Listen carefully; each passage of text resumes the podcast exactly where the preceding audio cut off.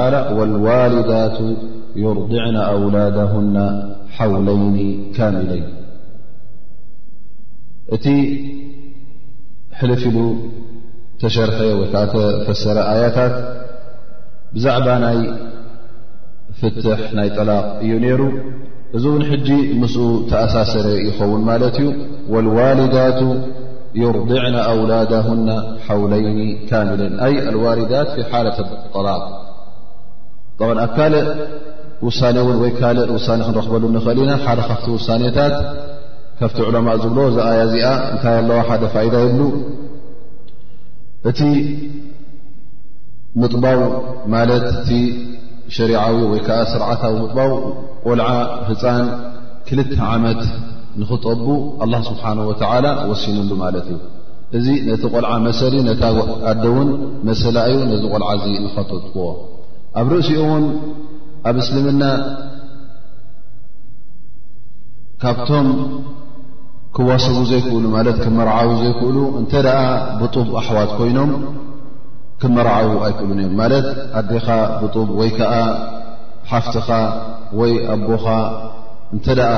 ብጡብ ርክብ ኣለኩም ማለት ኣኹክ ምን ኣረዳዕ ኣበሃል ኣብ ምን ኣረዳዕ ኡክት ምን ኣረዳዕ እዚ ሓደ ካፍቲ ኣብ ዲን ኣልእስላም እንተ ክትዋሰብ ኮይንካ እዚ ጉዳይ እዚ ናይ ምጥባው ኣሎ እተ ኮይኑ ክትዋሰብ ኣይትኽእልን ኢኻ ማለት ክትመራዖ ኣይትኽእልን ኢኻ እብሉ ዕለማ እቲ ምጥባው ኣብዚ ክልተ ዓመት እዚ ክኸውን ኣለዎ ግዴታ እንተ ደኣ ሓደ ቆልዓ ሓደ ህፃን ካብ ሓንቲ ሰበይቲ ድሕሪ ክልተ ዓመት ጠብዩ ክልተ ዓመት ጠብ ኣለዎ ህፃናት ካብ ሓደ ግዜ ኣዴታቶም ካብ ክልተ ዓመት ዝያዳ ዘጥብዎም ኣለዋ ማለት እዩ ወይ ከዓ ደቂ ኣንስትዮ እታ ህፃኑን ወዲ ትኹን ጓል ትኹን እንተ እዛ ህፃን እዚ ህፃን እዚ ወይ እዛ ህፃን እዚኣ እንተ ካብ ዘየዲኣ ጠብያ እሞዚ ምጥባው እዚ ድሕሪ ክልተ ዓመት እተ ነሩ ኮይኑ ክልተ ዓመት ምስ ገበረት ካብኡ እተ ሓሊፉ እዛ ህፃን እዚኣ ኣብቲ ሙሓረማት ኣብቲ ክልኩል ዝኾነ ምውሳብ ኣይትኣቱን እያ ወይ እቲ ወዲ እውን ኣይኣቱን ማለት እዩ ማለት እዛ ገጥብዎ ዘላ ኣዩ ተቁፀርን እያ እቶም እዛ ሰበይቲ እዚኣ ትወልዶ እውን ኣሕዋቱ ኣይቁፀሩን እዮም እቲ ነዛ ሰበይቲ ሰብኣያ እውን ኣቦኣ ብምጥባው ኣይቁፀርን እዩ ማለት እዩ ስለዚ እንተ ደኣ ታሕሪም ክኸውን ኮይኑ ብናይ ረዳዕ ኣላ ስብሓን ወተላ ትረዳዕ ተምጥባው ክልተ ዓመት ስለ ዝወሰነሉ ብድሕሪ ክልተ ዓመት ዝርከብ ምጥባው ኣብ ፀብፃብ ኣይኣትውን እዩ ذ ነቢ صለ ላه ለ ወሰለም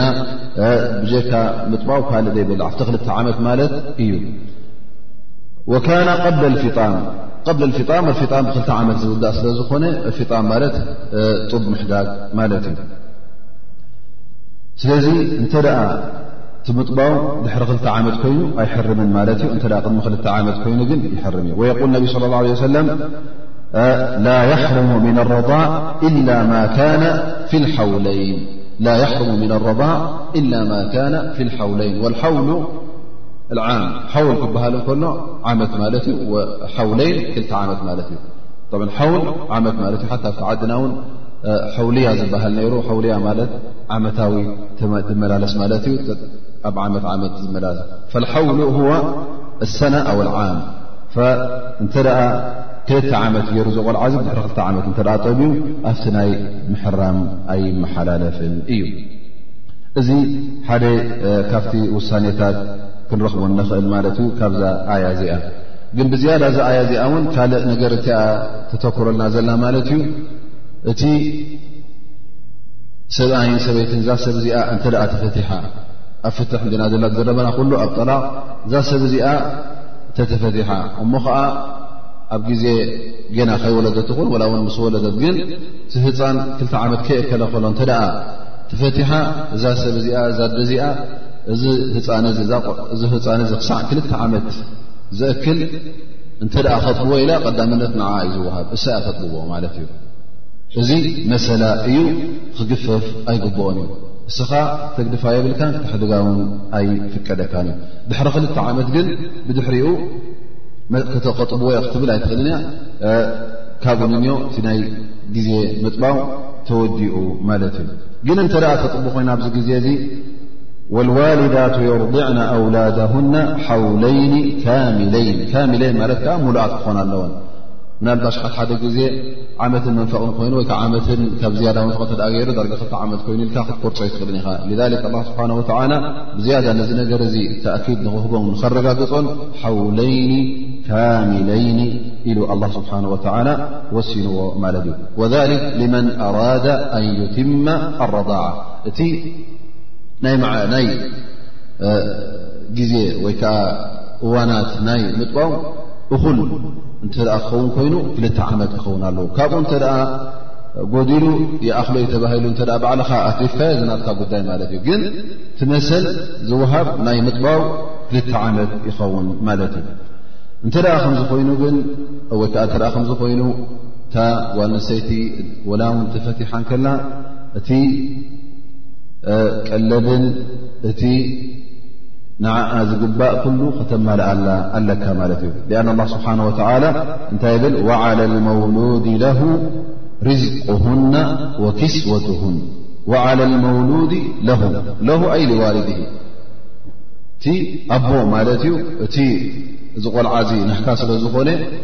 ላ ስብሓን ወተላ ዓላ ልመውሉድ ኢለ ኢሉ ሕጂ ንዓኻ ናባኻ ናብቲ ኣቦ የፀግዖ ኣሎ ማለት እዩ ምኽንያቱ እቲ ነዚ ቆልዓ እዚ ሽሙ ዝህቦን ከምኡ ውን ክናብዮን ክሳዕ ዝዓቢ ቀለቡን ብልዑን መስትኡን ኩሉ ዘድልዮ ነገራት ክገብረሉ ዝግደድ መን እዩ ቀዳምነት ኣቦኡ ስለ ዝኾነ እዚ ውላድ እዚ እውን ብስምካ ስለ ዝስመ ፅባሕ ንግሆ እውን ነቢና ሓመድ ስ ዝበሎ ኣንተ ወማሉካ ሊኣቢክ ክብልዎ ከለዉ እዚ ውላድ እዚ ናካ ክኸውን ናባኻ ዝፅጋዕ ሓደ ቁራፅ ካባኻ ክኸውን ከሎ ካባኻ ዝድለ ግዴታ እውን ኣሎ ማለት እዩ ጥራይ ካብቲ ውላድ እስኻ መሰል ኣይትፀበ እንታይ ደኣ ካባኻ ውን ዝድለ ነገራት ኣሎ ስለዚ ዓላ መውሉድ ለ ርዝቅና ወኪስወትሁና ብልማዕሩፍ ቀለበን ኮይኑ ክዳነን ኮይኑ ኩሉ ዘድልየን ኮይኑ እንተ ውላድካ ሒዛ ተጥብወልካ ኣላ ወላ እውን ፍትሓያ ዳኣ እንበር ክትቅልባን ክትምግባን ከምኡ ውን ክዳናን ኩሉ ዘድልያ ቀለብን ዘድልያ መሳሪትን ክትባ ኣድላይ እዩ ማለት ዩ ወይ ግዴታ እዩ ላኪን እዚ ግዴታ እዚ ብምንታይ ብልማዕሩፍ ብልማዕሩፍ ክበሃል ከሎ በቲ ንቡር ካብ እተን ከምኣ ዝኣመሰላ ዝወስድኦ ማለት ከምኣ ዝኣመሰላ ዝቕለብኦን ዝበልዐኦን ዝሰትኦን ከምኡ ክትሓትት ኣለዋ ዳኣ እምበር ካብኡ ንላዕለ ክትሓትት የብላን እስኻ ውን ካብኡ ንታሕቲ እየ ዝኽእል ክትብል የብልካ ስለዚ ከምቲ ኣብ ሱረት ጠላቕ እንተ ዳኣ ርኢና ኣላ ስብሓን ወተላ እንታይ ይብል ልዮንፍቅ ذ ሰዓት ምን ሰዓት ልዮንፍቅ ذ ሰዓት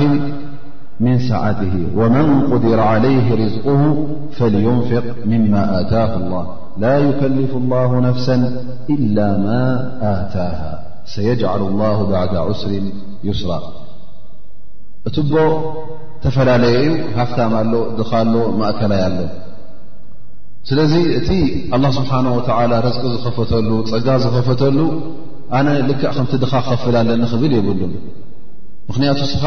ወድኻ እዩ ዙ ነቶም ካልኦት ደቅኻ ከመይ ጌርካ ትሪኦም ኣለኻ ስለዚ ከምቲ ምሳኻ ዘሎ ሃፍቲ ከምቲ ከማኻ ዝኣመሰሉ ሃብታማት ንደቆም ዘናብርዎም ነዚ ውላድካ ውን ከምኡ ንክነብር ነዛ ኣደ እውን እኹል ዘይጉዱል ክትብ ኣለካ ማለት እዩ ነዚ ቆልዓኻ ልክዕ ከምቶም ከማኻ ዝኣመሰሉ ውላዶም ዝረኽብዎ ዘለዉ ንክረክብ ማለት እዩ ስለዚ ቢላ እስራፍን ወላ ተቕቲር ኣብዚሕካ ዝያዳ ካብቲ ጥርዙ ከይሓለፍካ ብዝያዳ ከይሃብካን ከምኡ ውን ካብቲ ዝግብኣ ካብቲ ዘድልያ ከየውሓትካን ክትህብ ኣለካ ማለት እዩ ትቐለብ ክሕተት እንተ ኮይኑ ብክእለትካ ይሕተት ማለት እዩ ሃፍታም ከም ሃፍቱ ድኻ ከም ድኽነቱ ዘይብሉ ድማ የብሉን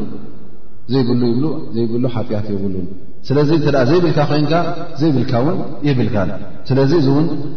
የብልካን ተባሂሉ ብበትሪ ወይ ከዓ ብማሕቡስ ክተሓዝ ኣለዎ ኣይብልን እቲ እስልምና እተ እተ ፍሉጥ ኮይኑ ዘይብሉ ኮይኑ ስራሕ ዘይብሉ ኮይኑ እንተ ቶም ኣዝማዶ ክሕግዝዎ ክኢሎም ፅቡቕ እተዘየሎ ናይ ግድን ክበሃል የብሉ እንታይ ኣ ምስ ረኸበ የምፅእ ማለት እዩ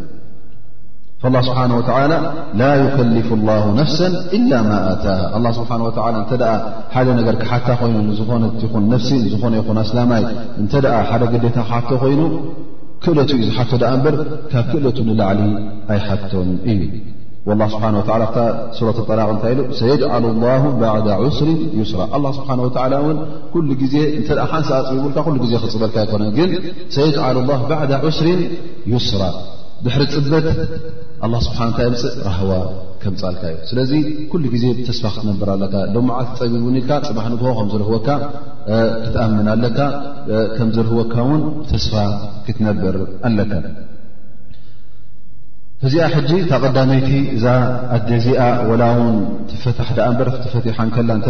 ወድኻ ጓልካ ገና ክልተ ዓመት ከይእከሉ ከለዉ ንዕኦም ኢላ ኮፍ ኢላ ተጥቦም እተ ኣላ ኮይና እዛ ሰብ እዚኣ ክትቅልባን ክተብልዓን ክተስትያን ገዛ ክትፈልየላን ይግብኣካ ማለት እዩ መን ዓለ መውሉድ ረሁ ርዝቅና ወክስወትሁና ብልማዕሩፍ ማለት ብንቡር በቲ ኣብቲ ህብረተሰብ ዘሎ ማለት እዩ ማለት እቲ ህብረተሰባት እውን ተፈላለየ እዩ ኣብ ዓድና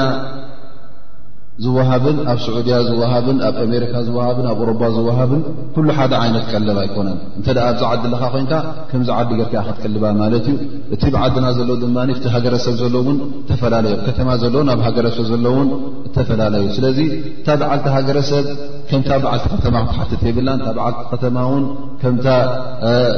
በዓልቲ ሃገረሰብ ንታሕቲ ክትወርድ ኣለዋ ኢልካ እውን ከተገድዳ የብልካ ስለዚ ከምቲ ኩነታቱ ከምቲ ማዕሩፍ ከምቲ ንቡር ዘሎ ቲ ዓዲ ከምኡ ጌርካ ክህብ ዝበልካ ክትህብ ትግደድን ክትህብ እውን ይግብኣካ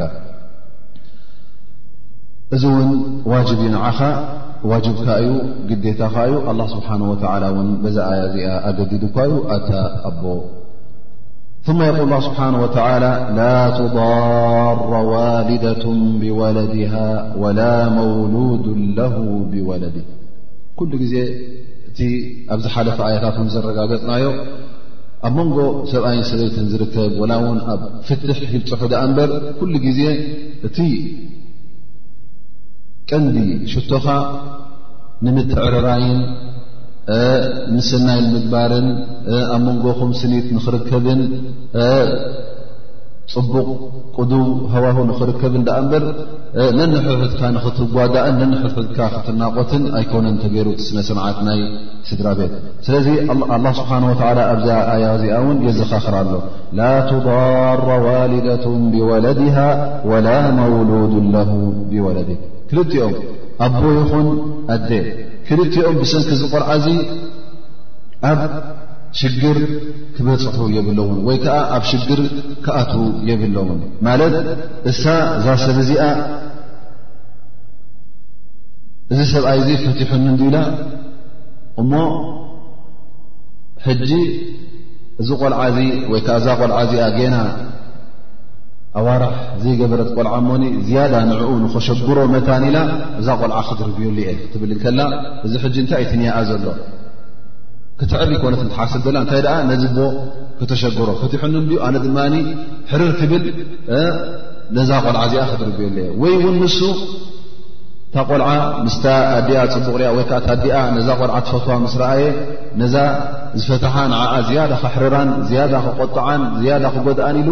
ነታ ቆልዓ ክምንጥላ እየ ክወስዳ እየ ክብል የብሉም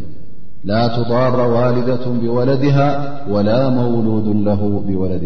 ላ ነቲ ሰብኣይ ክጉዳእ ኢላ እሳ ክትሓስብ የብላን እሱውን እሳእሱውን ነታ ኣደ ንክጎድኣ ኢሉ ወይ ንክህባ ወይ ከዓ ካብቲ ዝኽእሎ ቀለብ ከጉድለላ ወይ ውን በቢ ዓይነት ዝኾነ ዓይነት ስጉምቲ ክወስድ እንከሎ ነታ ኣደ ክገዲ የብሉን ነቲ ቆልዓ ውን ክጎድኦ የብሉን እሳ ውን እተ ዝኾነ ዓይነት ስጉምቲ ክትወስድ ኮይና እተ እዚ ቆልዓ ዚ ንክትሓቕፎ ወይ ከዓ ንብኡ ንክትገድፎ እተ ኮይና እቲ ሓሳባ ነትቦ ንምጉዳእ ክኸውን የብሉን ምክንያቱ እቲ ሸርዒ እስልምና ነንሕትሕትካ ክትጓዳእ ኣይኮነን ከምቲ ነቢና ሓመድ ስ ሰለም ዝበልዎ ላ ضረራ ወላ ضራር ዝኾነ ይኹን ጉድኣት እስኻ ክትጎድእ ወይ ነብስኻ ንክትጎድእ ወይ ከዓ ንንሕትካ ንክትጓዳእ ኣይኮነን ሸርዒ እስልምና ትግር እንተ ከምዚ ዓይነት ጉድኣት ተረኺቡ እቲ ጉድኣት ክፅረግ ኣለዎ ኣደራሩ ዩዛል ዝኾነ ይኹን ጉድኣት እንተ ተረኺቡ እዚ ጉድኣት እዚ ክፅረግ ኣለዎ ክረሕቕ ኣለዎ ምኽንያቱ እቲ ዲን እስልምና ከም ዝበልናዮ ፎኪስን ቀሊልን ብሰናይ እትነብረሉን ብስኒት እትነብረሉን ዳኣ እምበር ንዓኻ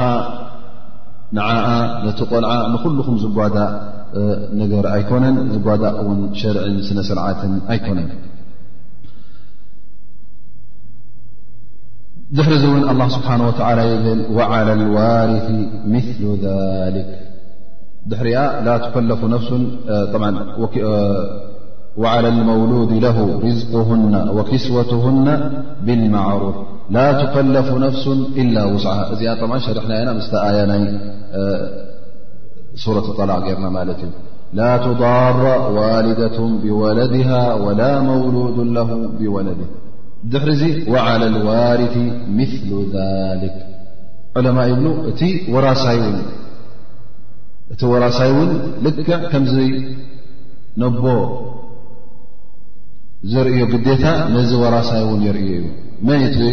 ወራሳይ ዕለማ እብሉ ኣቦኡ እንተ ደኣ መይቱ እዚ ቆልዓ እዚ ኣሎ ማለት እዩ እዚ ቆልዓ እዚ እንተ ደኣ ዝወርሶ ኣሎ ኮይኑ ምናልባሽ እዚ ቆልዓ እንተመይቶ እውን ዝወርሶ ኣሎ ሓው ብኡ ክህሉ ኽእል እዩ ሓዉ ክህሉ ኽእል እዩ ካልእ ኣዝማት ክህልዎ ክእል እዮም ዝወርስዎ ማለት እዩ እቲ ዝወርስ እውን ብትሕሽ ሓደ ሸነኽ እንተ ደኣ ንኽወርስ መሰል ኣለዎ ኮይኑ ጥራይ ምውራስ ክርእየብሉ እንታይ ደኣ ከምቲ መስል ዘለካ በዚ ካልእ ሸነኽ እውን ካባኻ ዝሕተት ግዴታ ኣሎ ማለት እዩ ስለዚ ዓላ ልዋርፊ ምሉ ሊክ ማለት እንተ ደኣ ወራሳይ ኮንካ እዚ ቆልዓ ዘሙን ዝምድና ኣለካ ምስ እሞ ከዓ እዚ ዝምድና እዚ ኣብ ውርሽኡ ዘብቅዓካ እንተ ደኣ ኮይኑ ነዚ ቆልዓ እዚ ኣብ ህፃንነቱ ልክዕ ከም ኣቦኡ ኮንካ ከም ስድራበቱከምቲ ኣቦኡ ክገብረሉ ዝግብኦ ዝነበረ ከምኡ ትገብረሉ ማለት እዩ ማለት ነዛ ደ እዚኣ ቀለባን ነዛ ኣደ እዚኣ እውን እቲ ዝግባኣ ክተማልኣላ ማለት እዩ እዚ እቲ ሓደ ገፅ ይብሉ ካልኣይ ገፅ እውን ይብሉ እቲ ላ ዩዳረ ተባህለ እውን እቲ ናይ ምጉዳእ ዘሎ እውን እቲ ወራሳይ እውን ኣብ ምጉዳእ ክበፅሕ የብሉን ዓላ ልዋርት ምሉ ሊክ ኣይ ፊ ልእድራር لا تضار والدة بولدها ولا مولود له بولده في الإضرار ت قد ور كنقق ل ل ب يل ين ر الله سبحانه وتعلى يل وعلى الوارث مثل ذلك ر ل وعلى المولود له رزقهن وكسوتهن بالمعروف لا تكلف نفس إلا وصعها እዚ ط شርحና ي ورة اطلق رና لا تضار والدة بولدها ولا مولود له بولده دحر وعلى الوارث مثل ذلك علمء بل ቲ ورሳي لكع كم نب زري قدታ ዚ وራሳي ير ዩ መን እቲ ወራሳይ ዕለማ እብሉ ኣቦኡ እንተ ደኣ መይቱ እዚ ቆልዓ እዚ ኣሎ ማለት እዩ እዚ ቆልዓ እዚ እንተ ዝወርሶ ኣሎ ኮይኑ ምናልባሽ ዝቆልዓ እተመይቶ እውን ዝወርሶ ኣሎ ሓው ብኡ ክህሉ ኽእል እዩ ሓዉ ክህሉ ኽእል እዩ ካልእ ኣዝማት ክህልዎ ክእል እዮም ዝወርስዎ ማለት እዩ እቲ ዝወርስ እውን በትሕሽ ሓደ ሸነኽ እንተ ደኣ ንኽወርስ መሰል ኣለዎ ኮይኑ ጥራይ ምውራስ ክርእየብሉ እንታይ ደኣ ከምቲ መስል ዘለካ በዚ ካልእ ሸነኽ እውን ካባኻ ዝሕተት ግዴታ ኣሎ ማለት እዩ ስለዚ ዓላ ልዋርፊ ምሉ ሊክ ማለት እንተ ደኣ ወራሳይ ኮይንካ ዝቆልዓ ዘሙን ዝምድና ኣለካ ምስኡ እሞ ከዓ እዚ ዝምድና እዚ ኣብ ውርሽኡ ዘብቅዓካ እንተ ደኣ ኮይኑ ነዚ ቆልዓ እዚ ኣብ ህፃንነቱ ልክዕ ከመብኡ ኮይንካ ከም ስድራ ቦትከምቲ ኣቦኡ ክገብረሉ ዝግብኦ ዝነበረ ከምኡ ትገብረሉ ማለት እዩ ማለት ነዛ ደዚኣ ቀለባን ነዛ ደዚኣ እውን እቲ ዝግብኣ ክተማልኣላ ማለት እዩ እዚ እቲ ሓደ ገፅ ይብሉ ካልኣይ ገፅ እውን ይብሉ እቲ ላ ዩዳር ተባህለ እውን እቲ ናይ ምጉዳእ ዘሎ እውን እቲ ወራሳይ እውን ኣብ ምጉዳእ ክበፅሕ የብሉን ዓላ ልዋርት ምሉ ሊክ ኣይ ፊ ልእድራር ኣይ ላ ተዳራ ዋርደት ብወለድሃ ወላ መውሉድ ለ ብወለድ ተባህለ ፊ ልእድራር ብ ኣብቲ ምጉድዳ እዚ ዋራሳይ ዚ እውን ክጥንቀቕ ኣለዎ ማለት እዩ ምክንያቱ እንተ እዚ ቆልዓ እዚ ኣቦ ዘይብሉ ኮይኑ እውን መብዝሕቲ ግዜ እቲ ውልይ ናቱ እቲ ሓላፍነት ዝስከም ልክዕ ከም ኣቦኡ ቆይሙ ስለ ዘሎ እዚ ሰብ እዚ ነታ ኣደ እውን ክጎድኣ ክሓስብ የብሉን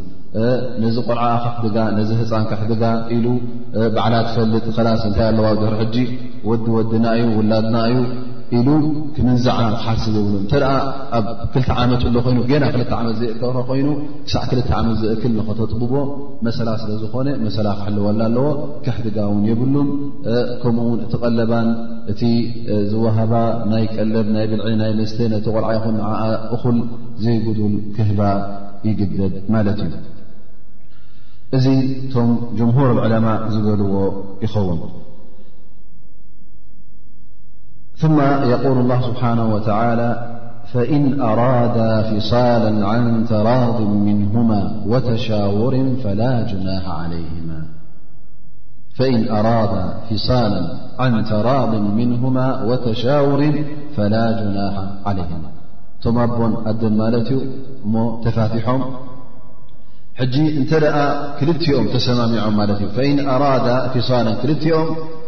ተሰማሚዖም ኣቦን ኣደን እዚ ቆልዓ እዚ ይኣኽሎ ማለት እቲ ኣላ ስብሓን ወተላ ክልተ ዓመት ይብሎ ግን እዚ ቆልዓ እዚ ኣብ ዓመትን መንፈቅን ኣብ ዓመትን ዓሰርተ ወርሕን ኣብ ዓመትን ሽዱሽተ ወርሕን ሸመንተ ወርሕን ኮይኑ ኣብ ዝኾነ ወይ ከዓ ዓመት ምስ ጠበወ እኹል ቆልዓ ኮይኑ ክበልዕ ጀሚሩ ኣላ ስብሓን ወተላ ፅቡቕ ጉልበት ይብዎ እሞ እንተ ደኣ ክልቲኦም ይኣኽሎ ኢሎም ተሰማሚዖም እሞ ከዓ እዚ ስምምዐ እዚ ድሕሪ ክልቲኦም ምልዛቦም ን ተሻውር ገይሮም ነንሕዲኦም ተማኺሮም ክልቲኦም ን ተሰማሚዖም ኣብ ስምማዕ ኣብ ምርዳይ እተ በፂሖም ፈላ ጅናሓ ዓለይህማ ምንም ዘንቢን ኣበርን የብሎምን ምኽንያቱ እቲ ጉዳይ ሕጂ እንታይ ዘርእካ ዘሎ ግን ክልቲኦም ክሰማምዑ ኣለዎም እንተ ሓደ ይኣኽሎ ኢሉ እቲ ሓደ ግን ኣይኣኽሎን ኢሉ እተ ኣብዚ ፍልሊ በፂሖም እቲ ጉዳይ ስምምዕ የብሉን ማለት እዩ ልክዕ ከምቲ ኣላ ስብሓን ወላ ዝበላ ክልተ ዓመት ክትመልእ ኣለዋ ግን እንተ ተሰማሚዖም ክልቲኦም ኣቦን ኣደን እዚ ቆልዓ እዚ ይኣኽሎ ኢሎም እተ ተሰማሚዖም ግን ይኣኽሎ እዩ ተ ተባሂሉ ክልቲኦም ዝተሰማምዕሉ መሰረት እቲ ናይ ምጥባው ካብ ክልተ ዓመት ንታሕቲ እንተገበርዎ ምንም ኣበር የብሉን ምንም ውን ሽግር የብሉን ዘንብ ውን የብሉን ማለት እዩ ስለዚ ኣቦን ኣደን ኣብዚ ጉዳይ እዚ ክልቲኦም እሂን ምሂን ኢሎም ብስኒት ብስምምዕ እንተ ደኣ ገይሮሞ ኣላ ስብሓን ወተዓላ እዚ ጉዳይ እዚ ባዕሎም ፈትዮም ስለ ዝገበርዎ ከምኡ ውን እንታይ ክርኢ ኣለዎም ጥራይ ናቶም ሸነኽ ክርእዩ የብሎምን እንታይ ደኣ ከምኡ ውን ነቲ ህፃን እንታይ ይጠቕሞን እንታይ ይጎድኦም ክርኢ ኣለዎም ምኽንያቱ እቲ ጉድኣት እውን ኣብቲ ቆልዓ ክወርድ የብሉን ከምቲ ንሕና ኣቦናደን ክጉድኡ የብሉን ዝበልናዮም እቲ ቆልዓ ውን እንታይ ይጠቕሞን እንታይ ይጎድኦም ክርእዩ ኣለዎም ንዕኡ ዝጠቕሞን ንዕኡ ዘይጎድኦን እንተ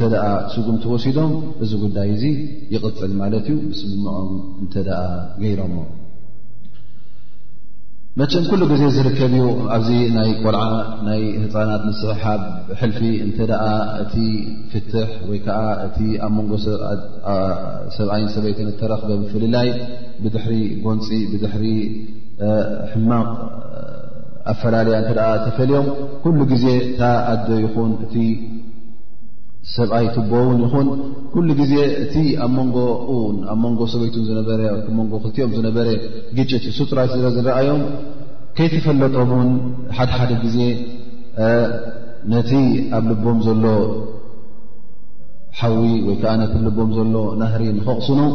ኣላ ስብሓን ወተዓላ ዘይደልዮን ኣላ ስብሓን ወላ ዘይፈትዎን ስጉምትታት ወስዱ ሓደሓደ ግዜ ወይ ንሱ ነታ ሰበይቲ ይጎድኣ ንሳ ውን ንኡ ትጎድኦ ወይ ውን ነቲ ቆልዓ ክጎድእዎ ስለ ዝርከቡ ላ ስብሓን ወተላ እዚ ከም ዝኣመሰለ ኣየታት ነቲ ናይ ፍትሕ ስነ ስርዓት ገይሩና ማለት እዩ ስለዚ እንተ ኣ እቲ ኣላ ስብሓን ወተላ ዝሓንፀፀልና ስርዓት ተኸትልና እቲ ኣላ ስብሓ ወ ዝሓንፀፀልና ገደባት ቀጥ ኣቢልና ሒዝናዮ እንሻ ላ ኣብቲ ግጭትን ኣብቲ ምበኣሰን ኣይንበፅሕን እያ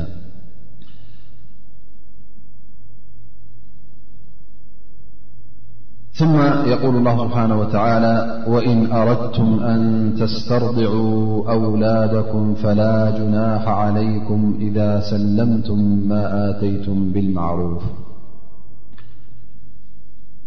كمون حد ي نأبنت أ ولاديت نات شكر الوا خين نا لت عمت ክእከል ከሎ እዚ ቆልዓ ንኣብነት ዝምርዓዋ ሰብ ኣይረኺባ ንበሎ ክትምርዖ ደልያ እቲ ክምርዓዊ ዝደለየ ኣነ እንታይ ኢለካ ተደልየ ንዕኸ ዝደሊ እምበር እዚ ቆልዓ ኣይደልዩ በላ ገና ክልተ ዓመት ኣይእከለን ስለዚ ሕጂ ንዓዓ ሽግር ኣጓኒፍዋ ማለት እዩ በቲ ቆልዓ ውላዳ ዩ ክተጥብዎ ደላ ትፈትዎ ትኸውን በቲ ድማ መርዓ መፂዋ ኣሎ እተ ሕጂ ሕራይ ኢላ ዘይተመርዓወት እውን ፅባሕ ንግሆ ይሕተቱላ ኣይሕተቱላ ስለ ዘይትፈልጥ እዚ ሕጂ ሽግር ከም ዝኣበሰለ ከጓንፋ ይኽእል እዩ እንተ ከምዚ ኣጓኒፍዋ እውን እሞ ከዓ ዕዝሪ ኣለዋ ማለት እዩ ወይ እውን እቲ ዕዝሪ እውን ሓደሓደ ግዜ ካብ ሰብኣይ ይኸውን ማለት እንተ ደኣ ሰብኣይ እዚ ከም ምሳሌ ክነቕርቦ እተ ኮይና ኣብ ካልእ ሃገር ዝቕመጥ እተ ኮይኑ እሞ ናይ ግድን ስርሑ ገዲፉ ክመፅእ ስለ ዘይክእል እዛ ሰብእዚ እዚ ቆልዓ እዚ ሒዝዎ ክኸይድ ስለ ዝደሊ ገና ክልተ ዓመት ከይገበረ ከሎ እሞ ኣነ እንተደኣኒ ከይደ እውን እዚ ቆልዓ ክወስዶ ይክእልን የብልሕ ሕጂ ካብ ኒ እውን ቀለብ ክሰደልክ ይክእልን እየ ምክንያቱ ሙምኪን ሽግር ኣለዉ ኸውን ንክሰድድ ገንዘብ ወይ ከዓ ኮነታት ሕማቕ ኣሉ ኸውን ስለዚ ከም ዝኣመሰለ ሽግራት እንተ ዘጓነፍ ኮይኑ እሞ እቲ ናይ እቲ ሰብኣይ ብናቱ ዑዝሪ ወይ ከዓ ብናቱ ምኽኒት እሳ ውን ናታ ምኽኒት ናይ መርዓ ናይ ገለ እተ ከምዝሎ ኮይኑ እሞ ከዓ ክልቲኦም እተ ተሰማሚዖም ካልእ ሰብ ክተጥብቦ እንተ ደኣ ተሰማሚዖም ካልእ ሰብ ተጥብዎ እዚ ኣላ ስብሓን ወተላ ኣፍቂድሎም ማለት እዩ ወኢን ኣረድቱም ኣን ተስተርድዑ ኣይ ኣዩሃ ኣባ ወይ ኣንቱም ኣቦታትን ኣንቱም ኣዴታትን እሞ ከዓ ብናትኩም ሽግር ወይ ብናተን ሽግር ካልእ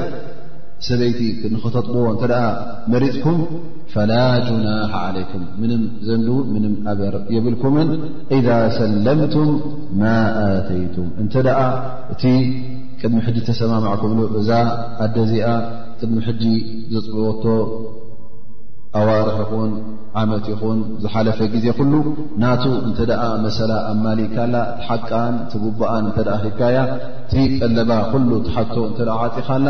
ከምኡ ውን ነታ ብድሕሪ ሕጂ ትመፅእ እታ ካልእ ተጥቡ ዘላ ውን ንዓኣ ውን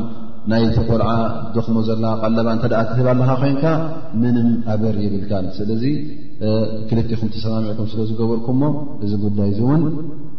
ክልቲኹም ዝገበርኩሞ ብስምምዕን ብምኽኒትን ስለ ዝኾነ እዚ ቆልዓ እዚ ካልእ ሰበይቲ እተ ኣጥቢዋቶ ምንም ኣበር ይብሉን ኢሉ ኣላ ስብሓን ወተላ የብርሃልና ኣሎ ማለት እዩ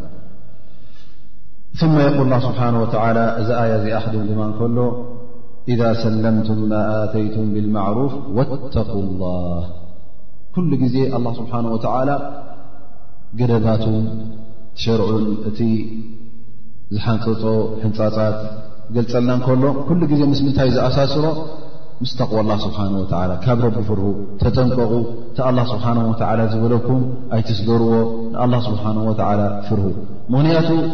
ወዲ ሰብ ሕጊ እንተ ደኣ ብሓደ ሕጊ ብሓደ ዓይነት ሕጊ ቀጥ ኢሉ ክኸይድ እተ ኮይኑ ኩሉ ግዜ ካብቲ ሕጊ ክወፅእ ፈልከት ክብል ፈቱ እዩ ግን ወይ ካብ መንግስቲ ክፈርህ ኣለዎ ወይ እውን ካልኣይ ፍርሂ ካብ ረቢ ክፈርህ ኣለዎ ማለት እዩ እንተ እዚ ሕጊ ዚ መንግስቲ ዝሓገገቶ እተ ኮይና እተ መንግስቲ ንዝበደለ ዘይተቐፅዕ እተ ኮይና ነቲ ነዚ ሕጊ ዘፈረሰ ሓደ ዓይነት መቕፃዕቲ ዘይወሰነትሉ እተ ኮይና እዚ ሕጊ ዚ መብዝሕቲ ግዜ ከም ዝፈርስ ተረጋገፅ ምኽንያቱ ወዲ ሰብ ኩሉ ግዜ እንተ ንሓደ ሕጊ ከኽብሮ እተ ኮይኑ ግዴታ ዝዓግቶ ነገር ክህሉ ኣለዎ ማለት እዩ እዚ ዝዓግቶ ነገር ወይ ፍርሂ ማእሰርቲ ወይ መቕፃዕቲ ክፈርህ ኣለዎ ወይ እውን ተቕዋ ላ ስብሓን ወላ ክህሉ ኣለዎ ማለት እዩ እስኻ ሕጂ እዚ ነገራት ክትንገር ከለኻ እዚ ኣያታት ክትወሃብ ከለኻ እዚ ስርዓት እዚ ክትወሃብ ከለኻ እንተ ደኣ ፍርህ ላ ስብሓን ወላ ዘይብልካ ኮይኑ ነዚ ኩሉ ጥሒስካ ክትከይድ ኢኻ እተ ደኣ ፍርህ ላ ስብሓን ወላ ኣለካ ግን ካብ ኣላ ስብሓን ወላ ትፈርህ እተ ኮይንካ ግን ኩሉ ግዜ ነዚ ኣላ ስብሓን ወተዓላ ዝሓገገልካ ወይ ከዓ ኣላ ስብሓን ወተዓላ ዝሓንፀፀልካ ሕንፃፃት ቀጥ ኣቢልካ ካብኡ ከይሰገርካ ንዕኡ ከይግሃዝካ በታ ኣላ ስብሓን ወተዓላ ዝሓበርካ ምስመር ንየማን ንፀጋም ከይበልካ ጉዕዞኻ ክትቅፅል ኢኻ ስለዚ ኣላ ስብሓን ወተዓላ ኩሉ ግዜ እቲ ናይ ሕግታቱ እቲ ኩሉ ሕግታቱ ምስ ምንታይ ኣኽሮ ማለት እዩ ምስ ፍርሃት ኣላ ስብሓን ወተዓላ ካብ ኣላ ስብሓን ወተዓላ ክትፈርህ ከለኻ ድማ ፈፂምካ ወላ ውን በይንኻ ኹን ወላ ውን ተሓቢእካ ኹን ወላ ውን ኣብ ሰብ ዘይርኤካ ቦታ ኣብ ኩሉ ቦታ ነቲ ሕክቲ ቐጢጥካ ክትከይድኻ ማለት እዩ ወላ ውን ተሓቢእካ ትገብሮ እንተ ክእለት ኣለካ ኮይኑ ወላ ተሓቢእካ ውን ካብ ኣላ ስብሓን ወላ ክትሕባእ ስለ ዘይትኽእል እታ እምነትካ ካብ ኣላ ስብሓን ወ ተሓብየ ዝበፅሖ የብለይን ፅባሕ ን ኣላ ስብሓን ወ ክራኽበለይ ዝብል እምነት ስለ ዘለካ ወላ ኣብቲ ሰብ ዘይርኤካ ቦታ ኮይንካ እንከለኻ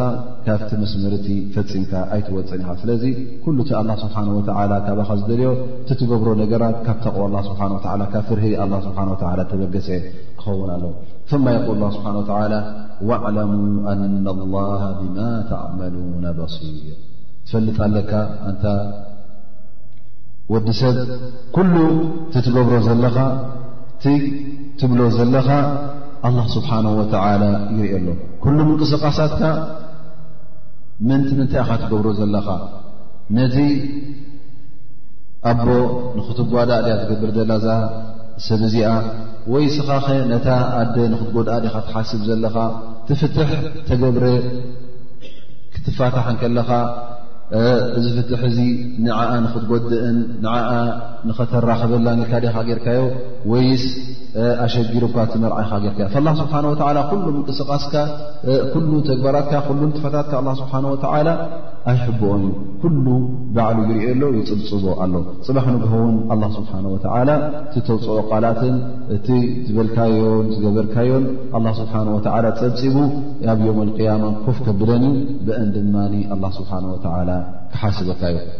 ስለዚ ትቐንዲ ነገር ተቕወላ ክትርከብ እንከሎ ኣላ ስብሓን ወተላ እውን ይርእየኒ ኣሎ ኣላ ስብሓን ወተላ እንታይ ከም ዝገብር ዘለኹ እውን ይፈልጥ እዩ ዝብል እምነት እንተ ሓዲሩካ እውን ፈፂምካ ካብቲ መስመሩ ፈልከት ኣይክትብን ኢኻ ድሕሪ እዚ ኣላ ስብሓን ወተላ እውን እቲ ናይ ፍትሕ ምስ ጠቐሰ እውን ጌና እንተ እቲ ወድ ተባዕታይን ጓል ኣንስተይን ብሓደ ክነብሩ ጸኒሖም እቲ ሓደ መፈላለዪ ክልቲኦም ብሓደ ጉዕዞ ክኸዱ ጸኒሖም ወይ ብፍትሕ ክፈላለዩ ማለት እዩ ካልእ ሸነኽ እውን ኣለዉ ዝፈላለዩሉ ማለት እዩ እሱ እውን ብሞት ክኸውን ከሎ ይፈላለዩ ማለት እዩ ሰብኣያ ክሞታ ከሎ ተፈልያ ማለት እዩ ذ ኣ ስብሓን ወላ እንተ ደኣ ሰብኣያ ሞይትዋ እውን እንታይ ክትገብር ኣለዋ እንታይ ካብኣ ዝሕተት ኢሉ ኣ ስብሓን ወላ ኣብዛ ኣያ እዚኣ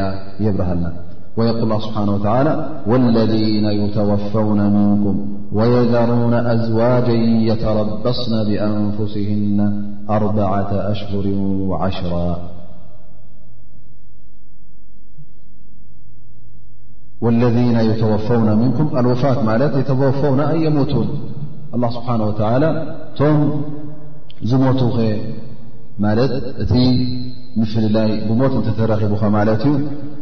ሞይቶም ብድሕሪኦም ኣንስቶም እንተ ተሪፈን እዘን ኣንስቲ እንታይ ይገብራ የተረበስና ብኣንፍስህና ኣርባዓተ ኣሽሁር ዓሽራ እቲ ጠላቕ ቅድሚ ሕጂ እውን ጠቂስና ነርና እቲ ዒዳ ናይ ጠላቕ ናይ ፍትሕ ዒዳ ክንደይ ክፀንሕ ከም ዘለዋ ኣብ ካልእ ከይተመርዓወት ቀዳማይን ካልኣይን ፍትሕ እተ ኮይኑ ክንደ ክፀንሕ ከም ዘለዋ ከምኡ ውን እቲ ናይ ቅድም ሰብኣያ ክመልሳ ከመይ ገይሩ ከም ዝመልሳ እዚ ኩሉ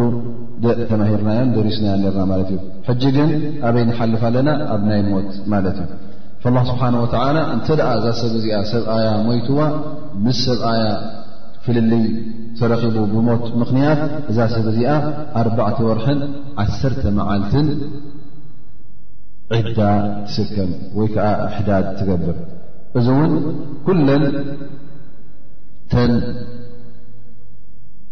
ታሰበይቲ ማለት እዩ ዓባይ ትኹን ንእሽተይ ወይ እውን እዛ ሰብ እዚኣ ዓቕዲ ጥራይ ገይሩ ውን ነይሩ ይኹን እውን እዛ ሰብ እዚኣ ትኣቱ ማለት እዩ ንኣብነት ተ ዓቕዲ ገይሩ ነይሩ ግን ክልቲኦም ኣይተራኸቡን ማለት እዩ ወላ እውን ዓቕዲ ክገብሩ ከለዉ ዓቕዲ ገይሮም እቲ ዓቕዲ ተፃሒፉ ሰበይቱ ተባሂላ ግን ኣብ ሓደ ገዛ ኣብ ሓደ ቤት እተ ከይኣተዉ ኣብ ሓደ ቤት ከይኣተዉ እንተ ሞይቱ እዛ ሰብ እዚኣ እውን ዒዳ ትስከም ማለት እዩ ፍትሕ ክኸውን እንከሎ ግን እዛ ሰብ እዚኣ ዒዳ የብላን ኣብ ሞት ግን ዒዳ ትስከም ማለት እዩ ከምኡ እውን ሚራስ እውን ይግባኣ እዩ روى الإمام أحمد وأهل السنن وصحاحه الترمذي أن معبن مسعود أ عبدالله بن مسعود سئل حد جزيت حهته مالت ي عن رجل تزوج امرأة فمات عنها ولم يدخل بها ولم يفرض لها فترددوا إليه مرارا في ذلك فقال أقول فيها برأي فإن يك صوابا فمن الله وإن يك خطأ فمني ومن الشيطان والله ورسوله برئان منه فقال لها الصداق كاملا وفي لفظ لها صداق مثلها لا وكس ولا شطر وعليها العدة ولها الميراث مسزي ملس فقام معقل بن يسار الأشجعي فقال سمعت رسول الله - صلى الله عليه وسلم - قضى به في بروع بنت واشق ففرح عبد الله بذلك فرحا شديدا وفي رواية فقام رجال من أشجع فقالوا نشهد أن رسول الله -صلى الله عليه وسلم قضى به في بروع بنت واشق እዚ ሓዲስ እዚ እንታይ ዝብል ሓደ ግዜ ዓብዱላ ብን መስዑድ ሓደ ካብቶም ኣስሓብ ነቢ ለ ላ ለ ሰለም ካብቶም ብፆት ነቢ ለ ላ ለ ሰለም እዩ ነይሩ ሰባት መፅኦም ሞ ክሓትዎ ማለት ኣ እሱ ካብቶም ኣስሓብ ነቢ ስለ ዝኾነ ይፈልጥ ኢሎም ማለት እዩ ካብቶም ዑለማ ካብቶም ዝያዳ ዕልሚ ዘለዎም ማለት እዩ ተሓቲቶም ዓብዱላ ብን መስዑድ ኢሎሞ ሓደ ሰብኣይሲ ሓንቲ ተመርዕዋ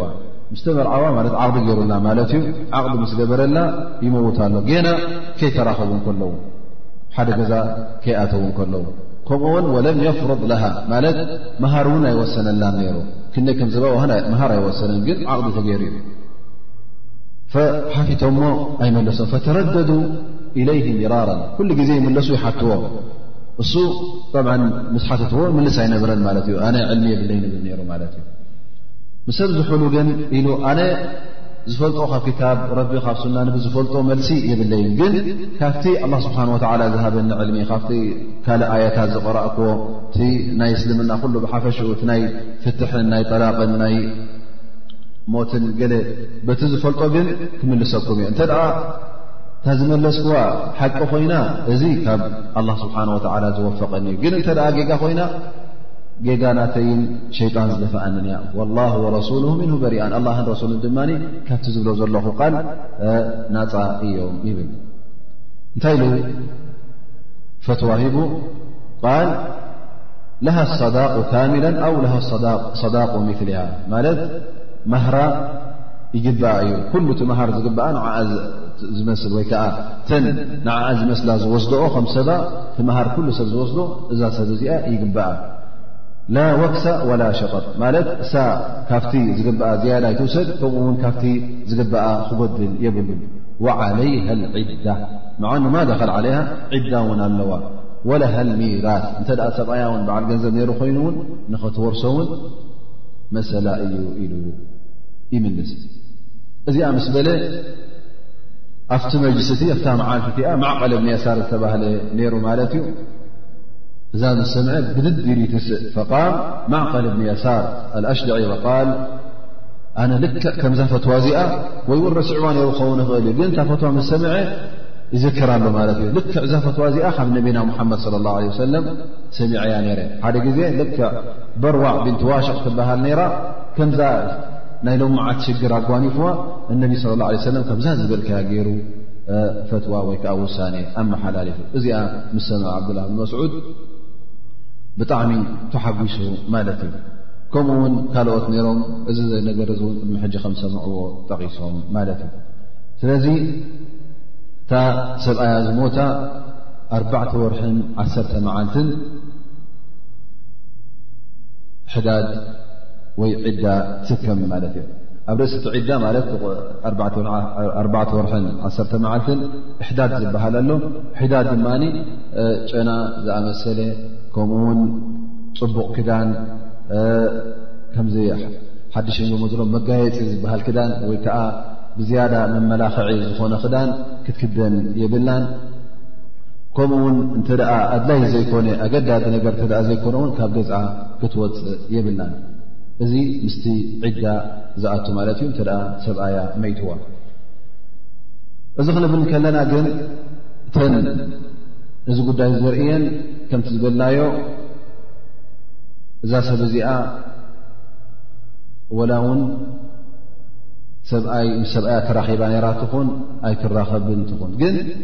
ሓንቲ ላ ካብእን ትወፅእ እንተ ደኣ ጥንስቲ ኮይና እዛ ሰብ እዚኣ ኣብ ጥንሲ እንተ ደኣ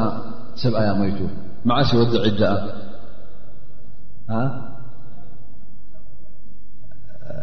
ና መታ ንተ ና እድሪሰ ምስ ሓረሰብ ምስ ሓረሰብ ለው ካ ወላ ክልተ መዓልቲ ትኾነ ወለው ሳዓ ዋሕዳ ዓ ሙምክን ሰዓ ሰለስተ ድሕር ሰብኣያ ተራሒሙ ሰዓት ኣርባዕተ እንተ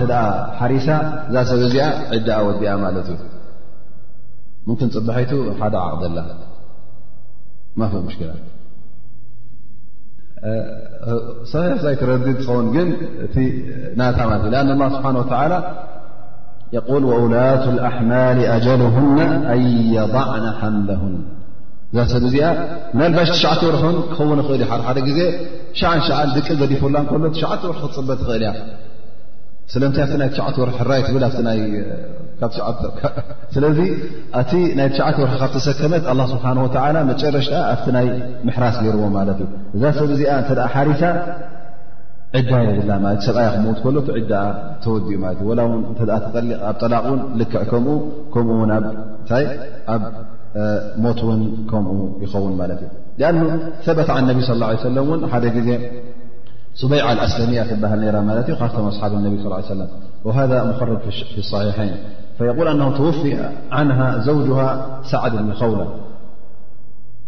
وهي حامل فلم تنشب أن وضعت حملها بعد وفاته وفي رواية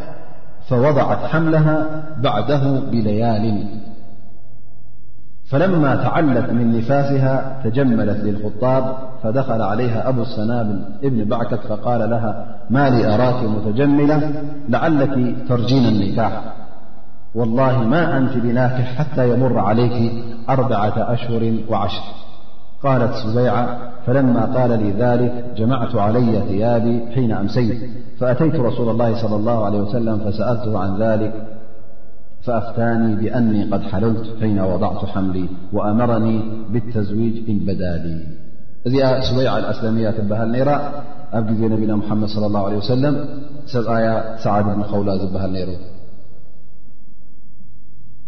ብጥንስታን ከዚኣ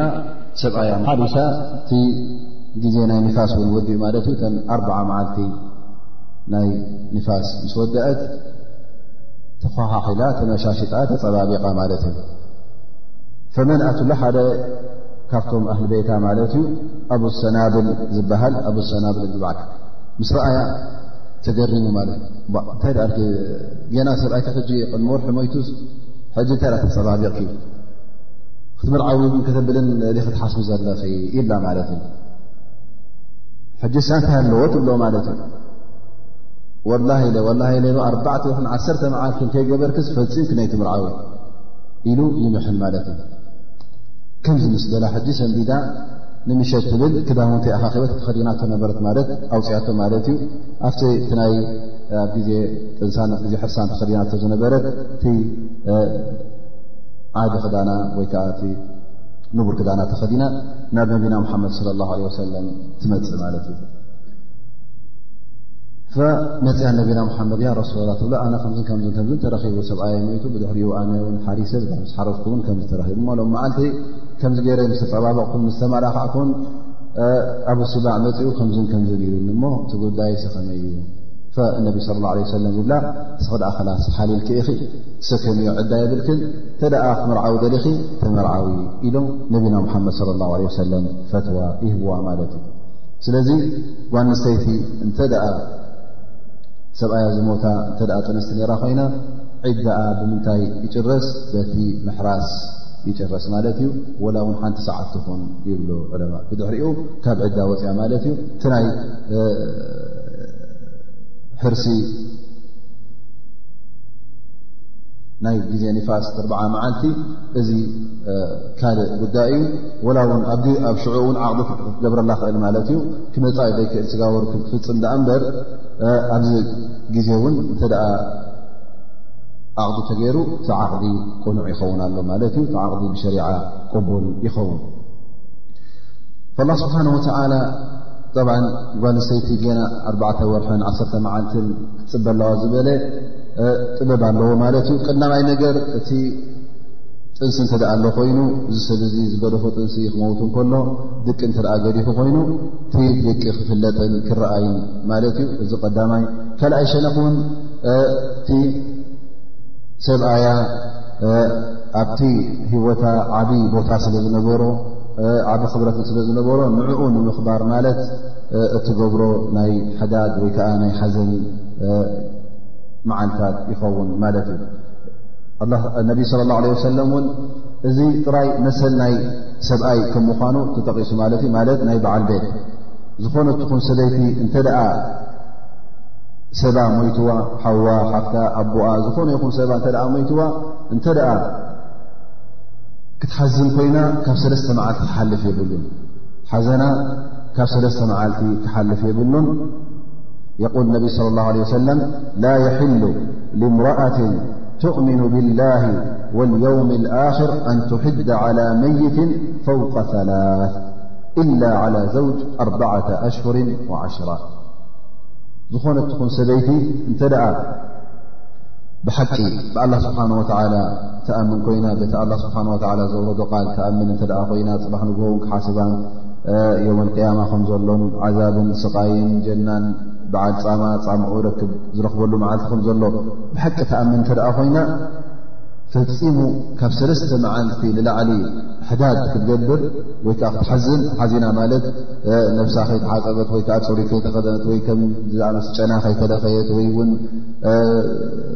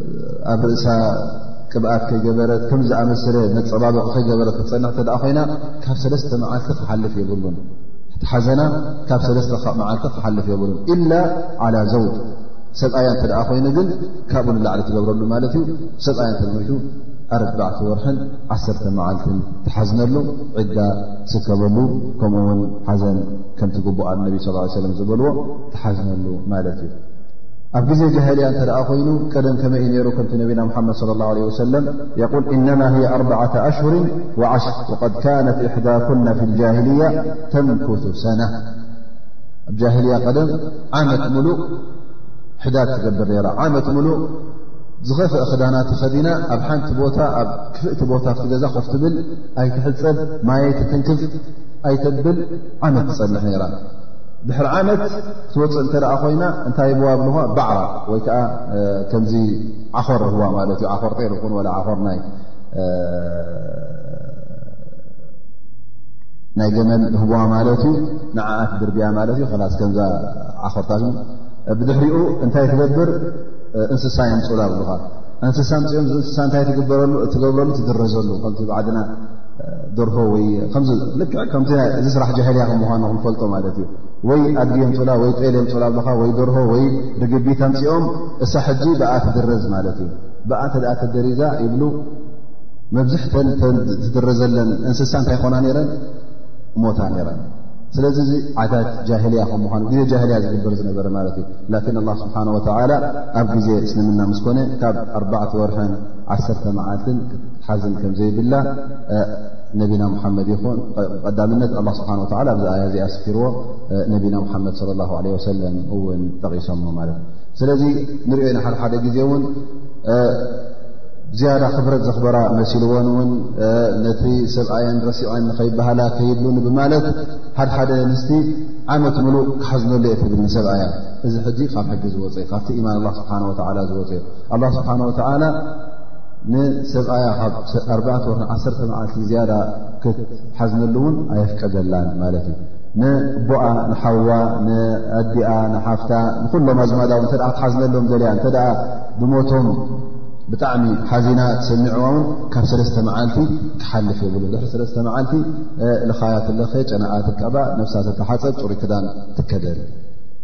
ፅቡቕ ክዳን ውን ትከደል ማለት እዩ ስለዚ ኣላ ስብሓን ወተላ እቲ ንነብሮ ህወት ኩሉ ግዜ ህወት ናይ ሓዘን ክኸውን ኣይደልዮን እዩ እቲ ሓዘን እውን ካብቲ ኣላ ስብሓን ወተላ ዝወሰነሉ ጥርዚ ካብኡ ክሓልፍ የብሉን እዎ ንክትሓዝን ኣፍቂዱልካ ዩ ምክንያቱ ኣላ ስብሓን ወተላ ኣብ ልቢ ወዲሰብ ወይ ከዓት ባህርያት ናይ ወዲሰብ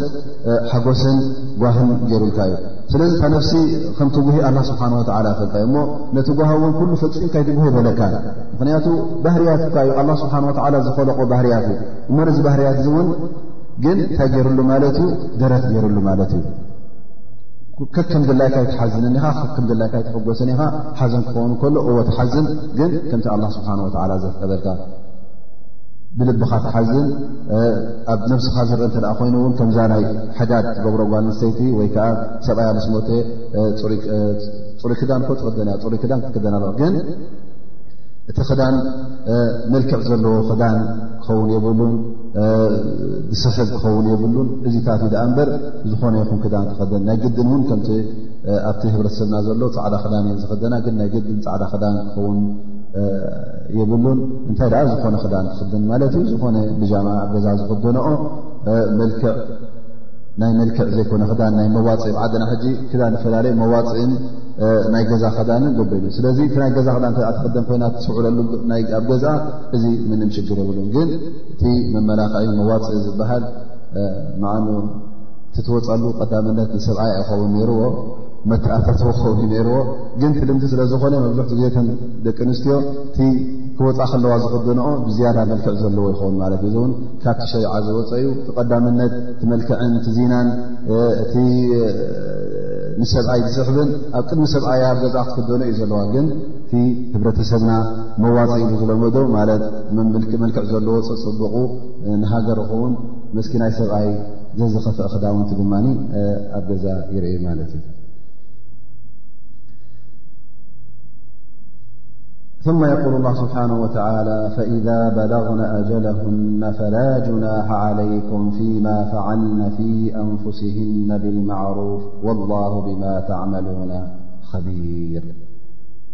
ፈኢዛ በላغና ኣጀላሁና ማለት እንተ ደኣ መዓልትን ኣትለን ማለት ንኣርባዕተ ወርሒን ዓሰርተ መዓልትን እተ ኣትለን ከምኡ ውን እንተ ደኣ ካጠኒሳ ዝነበረት ውን ሓሪሳ ፈላ ጅናሓ ዓለይኩም ፊማ ፈዓልና ፊ ኣንፍሲና ብድሕሪኡ እንተ ደኣ ተፀባቢቐን እተ ተመላክዐን እተ ንክምርዓዋንያ ገይረን ብድሕሪ እዙ ኣገር የብለንን ንስኹም ውን ክትክልክልዎን የብልኩምን ስለምንታይ ከምዚ ገረን ውን ክትብሉ የብልኩምን ኣንቱም ኣቦታት ኣንቱም ዓበይቲ ኣሕዋትን እስኻ ወሊ ናታ እተ ኮንካ ናታ ሓላፍነት ትሰከም ኣለኻ እተ ኮንካ እንተ ከምዚ ክትገብር ርኢኻያ ጌጋ ኣይኮነን ብድሕሪኡ እንተ ንኽትምርዖ ኣመርዕወኒ ኢላ ሓቲታትካ ማለት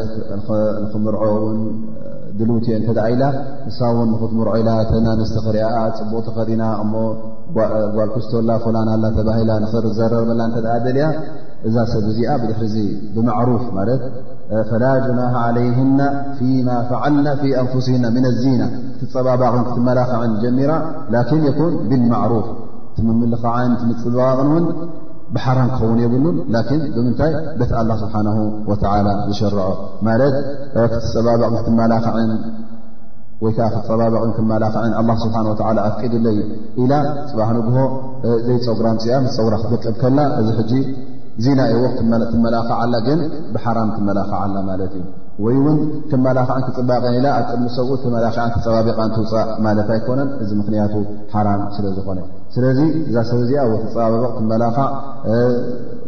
ዝሕፀይዋን ዝምርዓዋን ንክሓቱላ እውን ድልውቲ ትኹን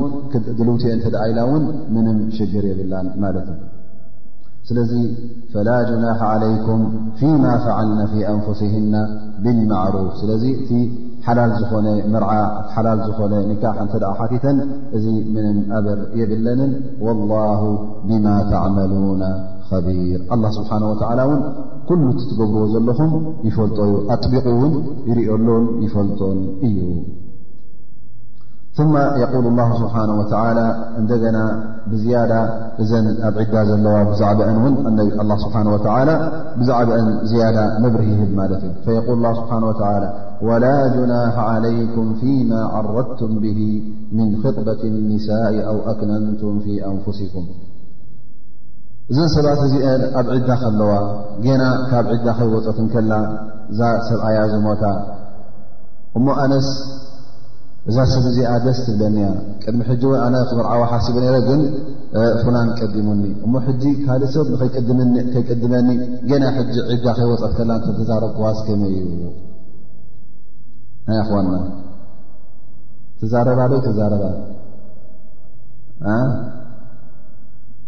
ኣይኾን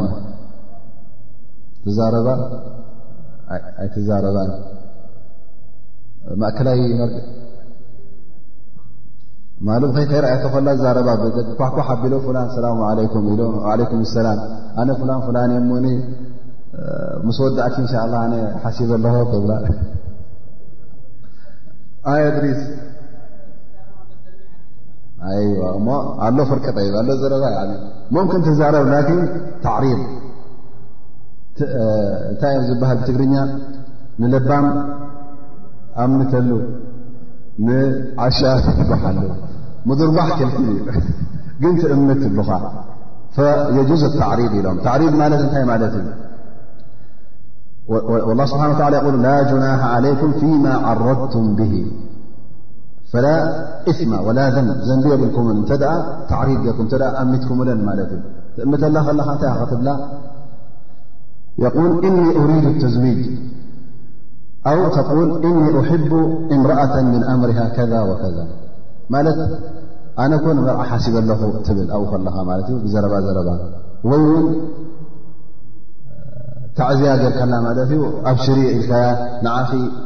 ብዙሓት ትምነዩኺ ገለ መታፊ ካብኡ ከለኻ ትዛረብ ማለት እዩ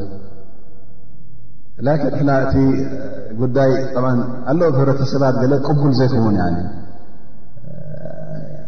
ላኪን ተልሚሕ ክትገብር ከለኻ ቅቡል ተልሚሕ ውን ትገብር ማለት ታዕሪፍ ክትገብር ከለኻ እቲ ህብረተሰብ ዝቕበሎ ኸውን ማለት እዩ ወይ እውን ንብልኻ እንታይ ተብል እንተ ዕዳ ወዲእክስ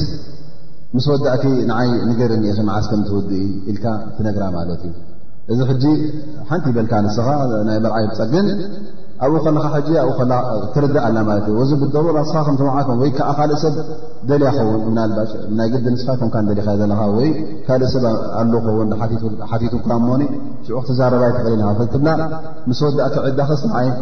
ንገርኒ ግን ኣብ ህብረተሰብና ጠብዓ መጋቀደት ምሽክላ የብሉን ህዝቢ ዓዲምካ እዩ ዝግበር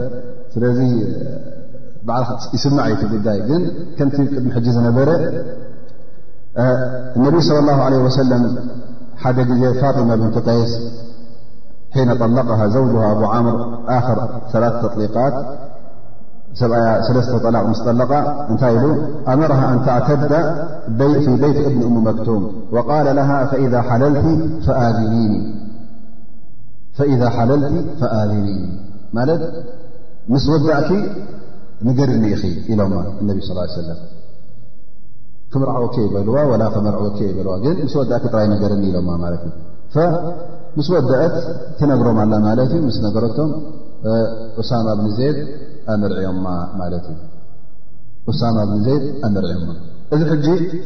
ኣበይ እዩ ማለት እዩ እዚ ታዕሪብ ዝኽልከል ዘሎ እዚ ታዕሪድ ዝፍቀድ ዘሎ ማለት እዩ ኣበይ እዩ እንተ እዛ ሰብ እዚኣ ሰብኣያ ሞይትዋ ማለት እዩ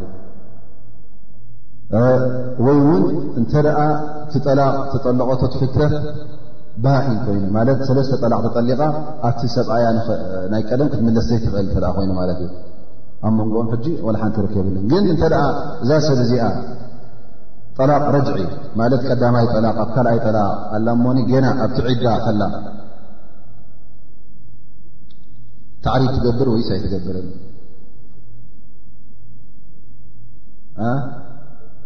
ኣይ ኣይትገብርን ኢኻ ማለት እዩ ምክንያቱ እዚኣ ገና ዳርጋ ሰይት ሰብኣያ ዘላ ማለት እዩ ስለዚ ነዛ ሰብ እዚኣ ትእምተላ ውን የብልካ ወላ ክትርጉሓላ ውን የብልካ ማዳም ትቀዳማይ ጠላቅ ኣብ ገና ብ ዕዳኣ ወይ ዓ ኣብቲካልኣይ ጠላቅ ኣላ ሞኒ ኣብ ዕዳኣ እንተ ኣላ ኮይና ነዛ ሰብ እዚኣ ብዛዕባ ናይ መርዓ ፈፂምካ ወላ ተስሪሕ ወላ ተልሚሕ ክትገብር የብልካን ግን እቲ ዝፍቀደካ ኣብ መን እዩ ኣብታ ሰብኣያ ዝሞታ ከምኡ ውን ኣብታ ሰለስተ ጠላቕ ዝወደቓ እሞ ናብ ሰብኣያ ክትምለስ ስለ ዘይትኽእል ምስ ወዳእኪ ያ ንገርኒ ትብላ ወይ ውን ኣነ ውን መርኣሓት በለኹ ሕጅ ኢልካ ተዛረብ ማለት እዩ ኣብ ቅድሚኣ ወይ ከዓ ኣብ ቅድሚኣ ዘይኮይኑ ላ ውን ስድራ ሰብትካ ማለት እዩ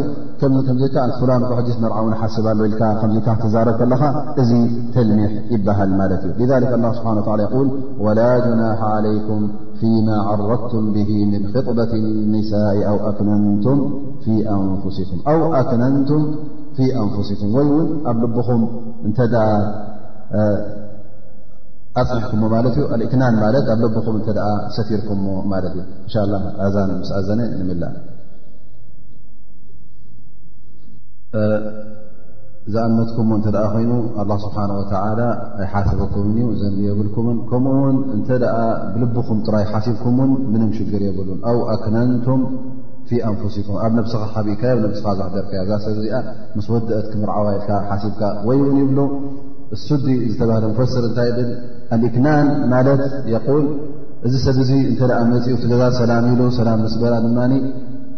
ሃድያ ኣምፅኡ ሃድያ ይህብ ማለት እዩ ግን ከይተዛረበ ክወፅ ከሎ ኣብ ልቡ ኣለዎ ግን ምልክት ሂቡ ማለት ዩ ከሎ ሃድያ ክገድፍ ገደመታት ሃድያ እተ ገዲፉ የል ኣን የድኩለ ፈዩሰልም ወይህዲ እንሻ ወላ የተከለም ብሸይ ሕጂ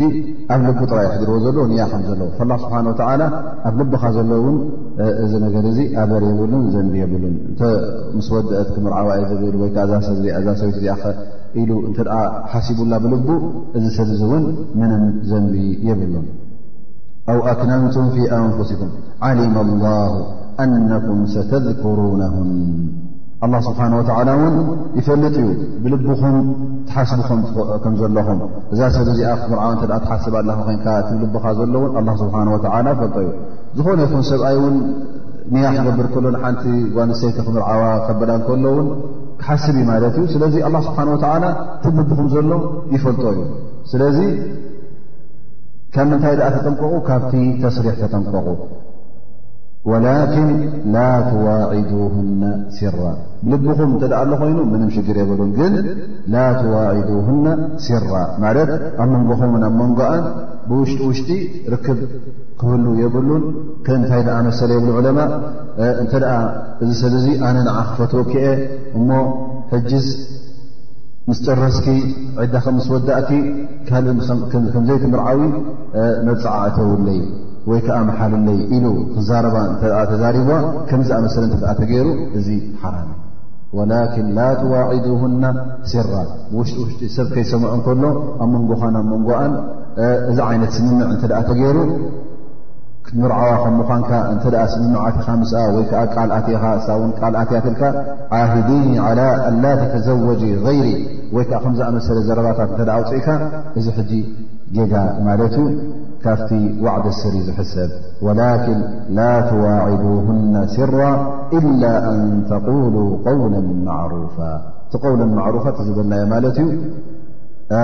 ንቡር ዝኾነ ዘረባ እተ ተዛሪብካ ግን ምንም ሽግር የብሉን ከምቲ ዝበልናዮ ተዕሪብ ማለት እዩ ወይ እውን ከምቲ ዝበልናዮ እንተ ወዲእክስ ዕዳ ክምስ ወዳእኪ ንገርኒ እኺኢልካ ጥራይ እተ ተዛሪብካ እዚ ምንም ሽግር የብሉን ማ የቁል ስብሓን ተላ ወላ ተዕዚሙ ዕቁደተ ኒካሒ ሓታ የብልغ ክታቡ ኣጀላ ኣይ ላ ተዕቅዱ ዓቅደ ብኒካሕ ሓታ ተንቀض ዕዳ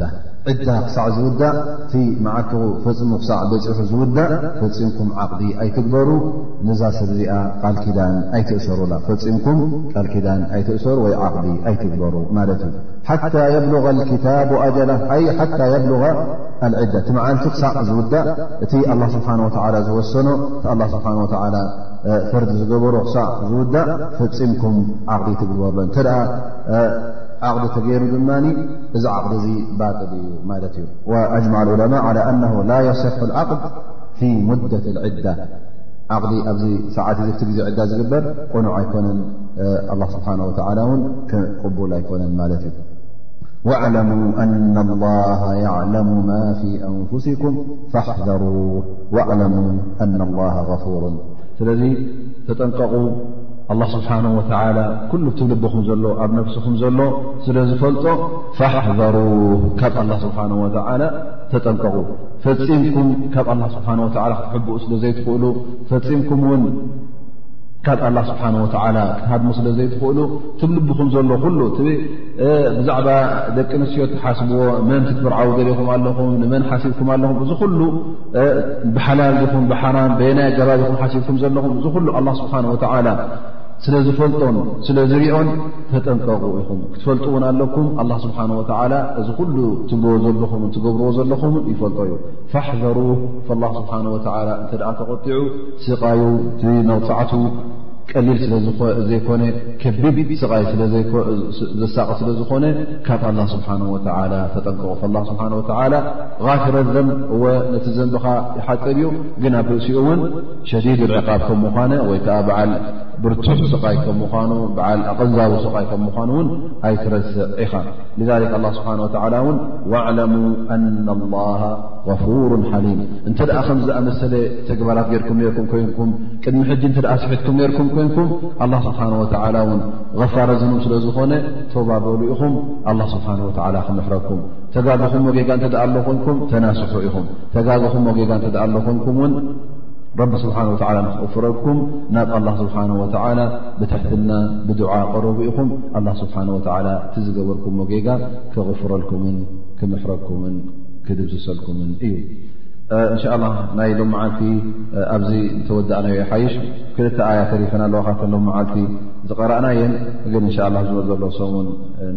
ትንትነን ማለት እዩ ገለገለ ሕቶ ወይ ከዓ ገለገለ ፋይዳታት እንተ ዝሓዝናዮ ፋይዳታት ኣሎ ኮይኑ እቲ ፋይዳታትና ምእንቲ ክንኣቱ ፈ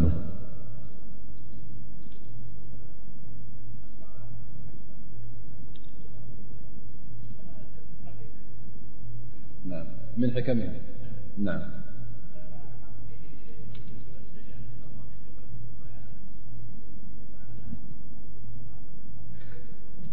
ስለምንታይ ኣትያ ማለት እዩ ካብታ ዝበልናዮ ዓንተ ወይ እቲ ሕክማ ወይ ከዓ እ ስለምንታይ ዋል ንሰይቲ ኣርባተ ወርሒን ዓሰርተ መዓልትን ትፀንሕ ድሕሪ ሰብኣያ ሙማታ ወይከዓ ስለምንታይ ዝዕዳ ዘይትስከም ኢልና ሓደ ካብቲ ጥበቡ ምእንቲ በረኣት ራሒም ትራሒም ናታ ወይ ከዓ እቲ ማህፀና ናፃ ከም ምኳኑ ውላድ ከም ዘይብላ ንክፍለጥ ኢልና ግን እዚ ካብ ኮነ ስለምንታይ እታ ሰብኣያ ዘይረኸባ ወይ ከዓ ምስ ሰብኣያ ዘይተራኸበት እንከላ ስለምንታይ ሳውን ኣርባዕተ ወርሕን ዓሰርተ መዓልትን ክትፀንሕ ትግደል እላ ኣንቶብ ሽዑ ዝዘከርክዎ ሓደ ካብቲ ጥበብ ናይዚ ጉዳይ እዚ እላ እቲ ማህፀን ናፃ ከም ምኳኑ ውላድ ከምዘይብላ ድቂ ከምዘይብላ ንክፍልጥ ኢና ካልኣይ ጠቂሰ ነረ ካልኣይ ጥቕሲ እውን እቲ ክብረት ናይ ሰብኣይ ክሳዕ ክንደይ ክቡር ከም ምኳኑ እዚ ሰብኣይ ዝክሞታ ከሎ እውን ቀሊል ነገር ከምዘይጎደላ ንክትሓዝነሉ ኣን ሓተ ነቢ ስለ ላ ለ ሰለም የቁል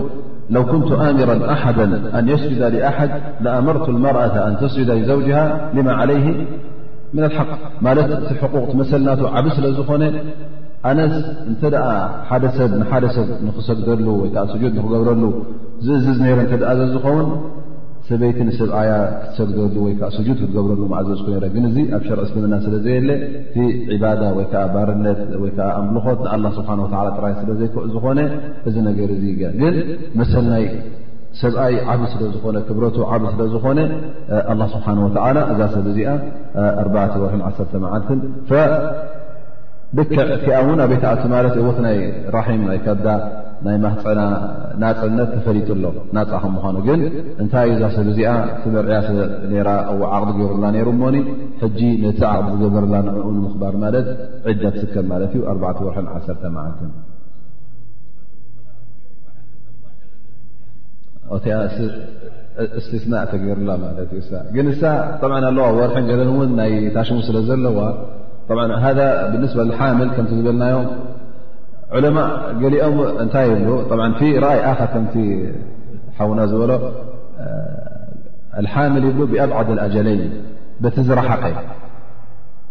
ማለት ብ ዓባስ ዝበሎ ይመስለኒ እተይ ረሳዕኩ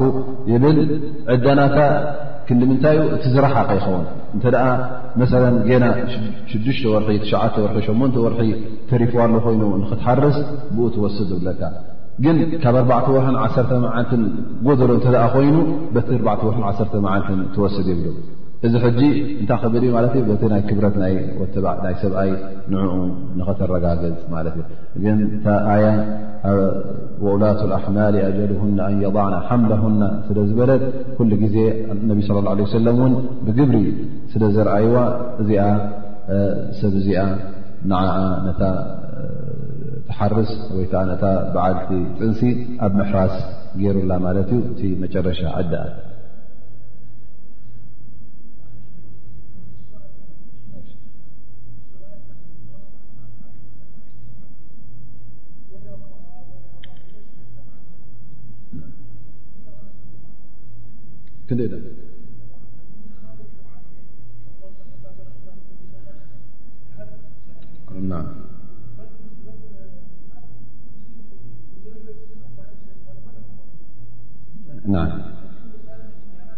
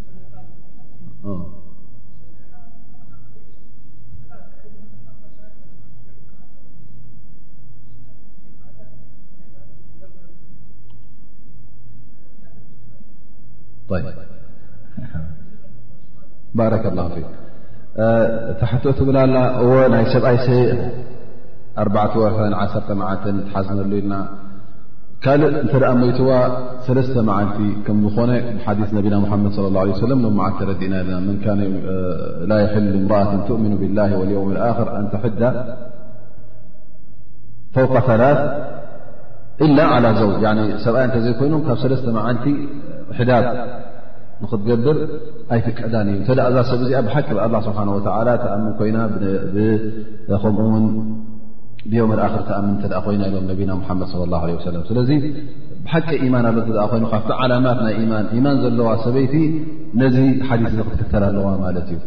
ስለዚ ግን ይብል ኣሎ ኣብቲ ባህልና ግን ካልእ ዝኾነ ሰብ ክመውት እንከሎ ናይ ሰብኣይ ኣስሕራይ ግን ናይ ካልእ ሰብ ሓዋ ይኹን ዘመዳ ኣኮኣ ኣቦ ኣዲኣ ወይ ከዓ ዝኾነ ይኹን ዘመድ ክመውት እንከሎ እቲ ንሪኦ ዘለና ብ ህብረተሰብና ብሰለስተ መዓልቲ ኣይጨረስን እዩ እንታይ ደኣ ሓንሳ ሸውዓተ ሸዓተ ገብርኦ ሓንሳ እተደልየን ሰላ መዓልቲ ገብርኦ እተደልየን ክልተ ሰሙ ንገብሮ እተደይ ዓሰርተ መዓልቲ ገብሮ ስለዚ ከመይ ይኹን ወይ ከዓ እዚ ጉዳይ እዚ ንሕና ዝሰሚዕና ያለና መን እዩ ዝስከሞ እዚ መስኡልያ እዚ ወይከዓ እዚ ሓላፍነት እዚ እዚ ሓላፍነት እዚ ኩላና ከም ንፈልጦ ወተባዕታይ ወይከዓ ሰብኣይ እሱ እዩ እቲ ኣርጃሉ ቀዋሙና ተባሂሉ ዘሎ ወይከዓ እቲ ሓላፍነት ኩልኩም ራዕን እዩ ነቢና ሓመድ ስ ሰለም ኩልኩም ራዕን ኩልኩም መስኡሉን ዓን ረዕየት ይህብና እሞ እቲ ረዕያና ወይከዓ እቲ ትሕቴና ዘሎ ሰበይትን ቆልዑትን ኩሎም ቀዳማይ ነገር ዝሕተት ኣብቲ ገዝኡ ዝርከብ መን እዩ ሰብኣይ እዩ ዝሕተት ስለዚ እንተ ኣብቲ ገዛኻ ኣንፃር ወይከዓ ጌጋ ይግበራሉ እተ ኮይኑ ኣንፃር ዲን ዝግበራሉ እተ ኮይኑ ካብ ሕጊ እስልምና ዝወፀ እተ ዝገብራሉ ኮይኑ ኣብ ትሕቲ ሓላፍነትካ ዩ ስለዚ እስኻ ኣንታ ሰብኣይ ብዝከኣለካ መጠን ከተመዕራርዮ ኣለካ ብ እነቢ ስለ ላ ለ ሰለም እዛ ናይ ሰለስተ መዓልቲ ዝበላ ናይ ታዕዝያ ኣይኮነትን እንታይ እያ ሒዳድ ማለት እዩ ሒዳድ ክበሃል ከሎ ድማ እዛ ሰብ እዚኣ ካብ ሰለስተ መዓልቲ ንኣብነት ኣብ ሰለስተ መዓልቲ እንተ ዝኾነ ዘይፅቡቕ ክዳን ተኸዲና ወይ ጨና ኣይትገብርን ማለት እዩ ወይ ከዓ ብጥዑም ጨና ዘለዎ ሰምና ነብሳ ከይተሓፀበት ወይ ደሳ ውን ልኻ ይኹን ከም ብብዓይነቱ ቅብኣት ውን ከይተደኸየት ንሰለስተ መዓልቲ ክትፀንሕ ኣፍቂዱላ ብድሕሪኡ ግን ልክዕ ከምቲ ዝነበረቶ ክትምለስ ኣለዋ ማለት እዩ ገሊኤን ኣለዋ እወ ዝፀንሓ ማለት እዩ ዝያዳ ሓዚና ንክትበሃል ሰሙን ትፀንሕ ወይ ዓሰርተ መዓልቲ ትፀንሕ ወይ ካብኡ ንላዕሊ ትፀንሕ ጨና ከይገበረት ወላ ለኻይ ከይተለኸየት ወላ ነብሳ ከይተሓፀበት ይኹን ወላ እውን ካልእ ዓይነት እዚ እንተ ትገብር ኣላ ኮይና ካብ ሸር እስልምና ትወፅኣላ ማለት እዩ ትጋገላ ማለት እዩ ዘንቢ ትስከማላ ማለት እዩ እዚ እውን ካብቲ ድኽመት ናይ ኢማን ዱዕፈ ኢማን ይበሃል ማለት እዩ ምክንያቱ ብሓቂ እዛ ሰብ እዚኣ ከምቲ ነቢና ም ስ ሰለም ዝበልዎ እታ ብሓቂ ብኣላ ስብሓን ወላ ተኣምንን ኣብ ዮም ያማ ተኣምን እተ ኮይና ካብ ሰለስተ መዓልቲ ዝያዳ ሕዳድ ወይ ከዓ ሓዘን ክትሓዝን የብላን ስለተባህለት ብጀካ ንበዓል ቤታ በዓል ቤታ ኣርባተ ወ ዓሰ መዓልትን ትሓዝነሉ ማለት እዩ ስለዚ ትቐንዲ መስኡልያ ወይ ከዓ ሓላፍነት ዝስከም ትበዓል ቤት እዩ ነዛ ሰብ እዚኣ እውን ምናልባሽ ሓሓደ ግዜ ክተረዳእ እንተ ደኣ ኮይንካ እውን እቲ ሓዘን ምስ ተረኽበ ክተረዳእ ኣይትኽእልን ኢኻ ግን ንሕና ቅድሚኡ ጌና ከምቲ ብትርኛ ዝብልዎ ውሕጅ ከይመፀካ መገዲ ውሕጅ ፅረግ ጌና እዚ ሓዘን ከይተረኽበ ከሎ እቲ ሽግራት ከይተረኽበ ከሎ ነታ በዓልቲ ቤትካ ኮይኑ ንኩሎም ደቅኻ ኮይኑ ነዴኻ ኮይኑ ንኩለንሲ ክተረድአን ኣለካ እቲ ዝክግበር ዝግብኦ እቲ ኣላ ስብሓን ወተዓላ ዝፈትዎ ኣላ ስብሓን ወተዓላ ዝረድዮ እንታይ እንታይ እንታይ ምኳኑ ኢልካ ኩሉ ግዜ ክተረድእን ምስ ፀናሕካ እንተ ደኣ ዳሕራይ ክጋጋያ ተረኺበን ሽዑኡ ዝኾነ ዓይነት ስጉምቲ ክትወስድ ትኽእል ማለት እዩ ግን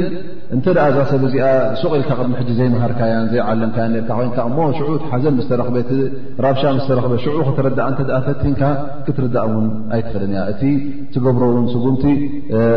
ውፅኢቱ እውን ፅቡቕ ክኸውን ኣይክእልን እዩ እትደልዮ ውፅኢት እውን ክትበፅሖ ክትሃርሞን ኣይትኽእል ኢ ስለዚ ኩላና እዚ ናና ሓናፍለት ስለ ዝኾነ ክሳዕቲ ጉዳይ ዝርከብ ክሳዕቲ ሽግር ዝርከብ ክንፅበ የብልና እንታይ ጌና